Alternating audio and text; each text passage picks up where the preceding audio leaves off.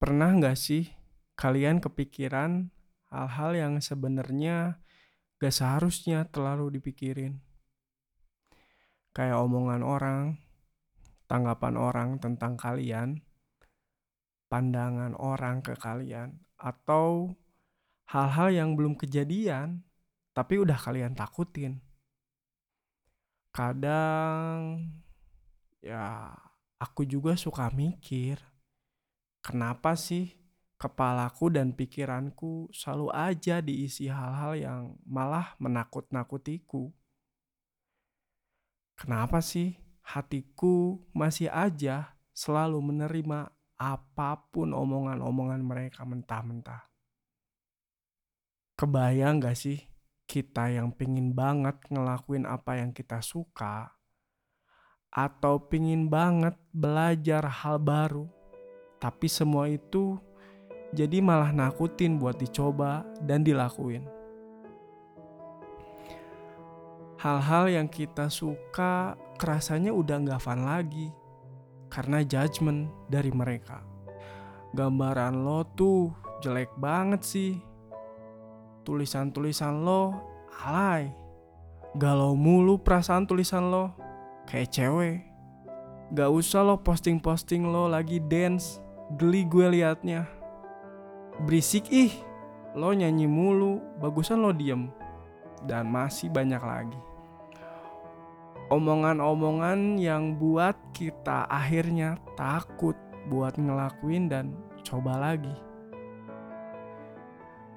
Padahal baru dicoba sekali, udah takut duluan. Karena kata-kata mereka gak hilang-hilang di kepala kita. Dan akhirnya kita jadi takut buat nunjukin diri kita yang sebenarnya. Hal yang kita senengin berubah jadi pertunjukan paling menakutkan yang gak mau kita datangin lagi ujung-ujungnya overthinking dan capek sendiri yang buat apa pun yang kita lakuin kelihatannya buruk aja padahal mereka yang ngomongin seenaknya ke kita gak peduli kalau kita akhirnya stop lakuin hal yang kita suka mereka paling bilang tuh kan apa gue bilang? Gak bisa kan lo? Udah gitu, mereka pergi gitu aja. Kita juga jadi takut jadi diri kita sendiri. Karena takut dinilai buruk sama mereka yang akhirnya kita jadi orang lain demi mereka. Tapi kitanya capek sendiri atau kita yang dijauhin teman-teman dekat kita pernah nggak sih pernah ngerasa nggak mereka udah nggak mau temenan lagi. Ujung-ujungnya kita lagi yang kepikiran. Duh gue salah apa ya? Overthinking lagi capek lagi.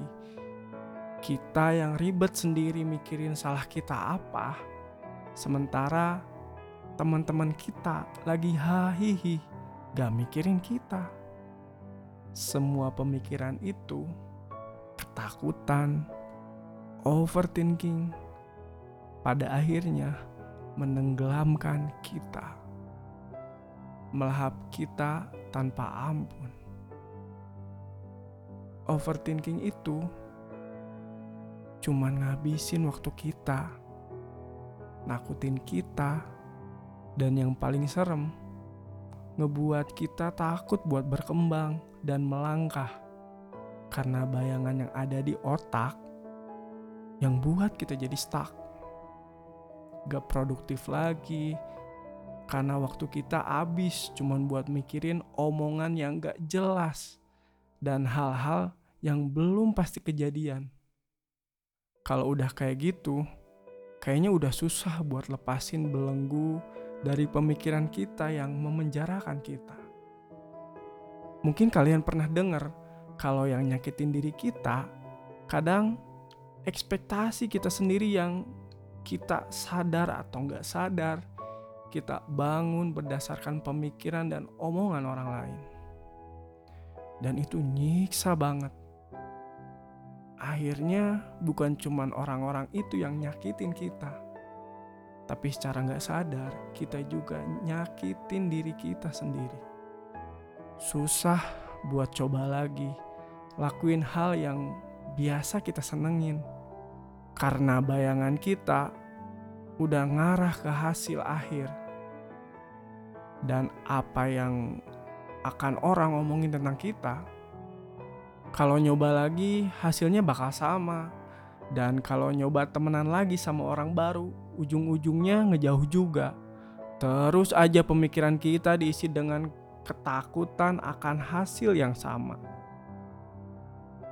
Kita pada akhirnya kayak mayat hidup hidup tapi takut buat ngelakuin apa pun itu karena overthinking duluan.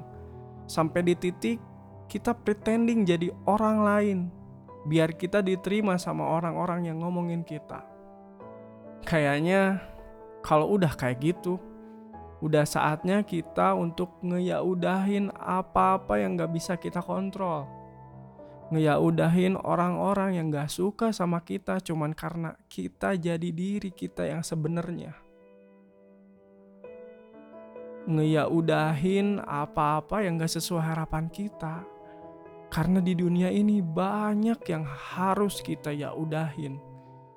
Biar kita bisa melanjutkan langkah, biar kita nggak takut lagi, dan biar bisa membuka lembaran selanjutnya di hidup kita tanpa larut dengan yang udah kejadian dan mampu jadi diri kita tanpa takut lagi.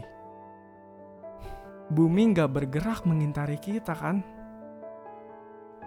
Bahkan kita bukan poros dari tata surya.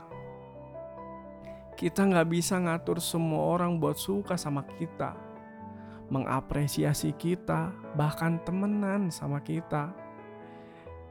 Yang bisa kita atur dan kontrol cuma diri kita, kita bisa nutup telinga buat orang-orang yang gak worth it, buat orang-orang yang gak seharusnya kita dengerin.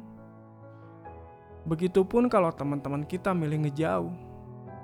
Ya udah, yang udah, ya udah. Mari kita coba lagi, mari kita melangkah lagi dan buka lembaran baru and let's love yourself first. Karena ada hal-hal yang udah gitu aja, gak bakal kita bisa ubah. Yang kita bisa cuman lanjutin aja yang ada. Evaluasi yang udah pernah kejadian, coba lagi hari ini. Kadang bersiap pada hal yang paling buruk itu perlu kadang menempatkan ekspektasi serendah mungkin. Itu buatku sekarang harus sih. Bukan artinya pesimis. Tapi jadi kita udah prepare dengan kemungkinan yang paling buruk yang bakal datang. Karena baik buruk udah ditentuin sama Tuhan kan? Tapi bukan berarti kita pasrah gitu aja. Tapi kita berusaha di prosesnya tanpa mikir hasilnya nanti gimana. Fokus sama proses menuju tujuan dan lakuin apa yang kita suka tanpa khawatir sama hasilnya. Tanpa mikirin nanti pemikiran orang gimana. Fokus ngenalin diri sendiri tanpa mikir nanti mereka suka nggak ya kalau gue kayak gini.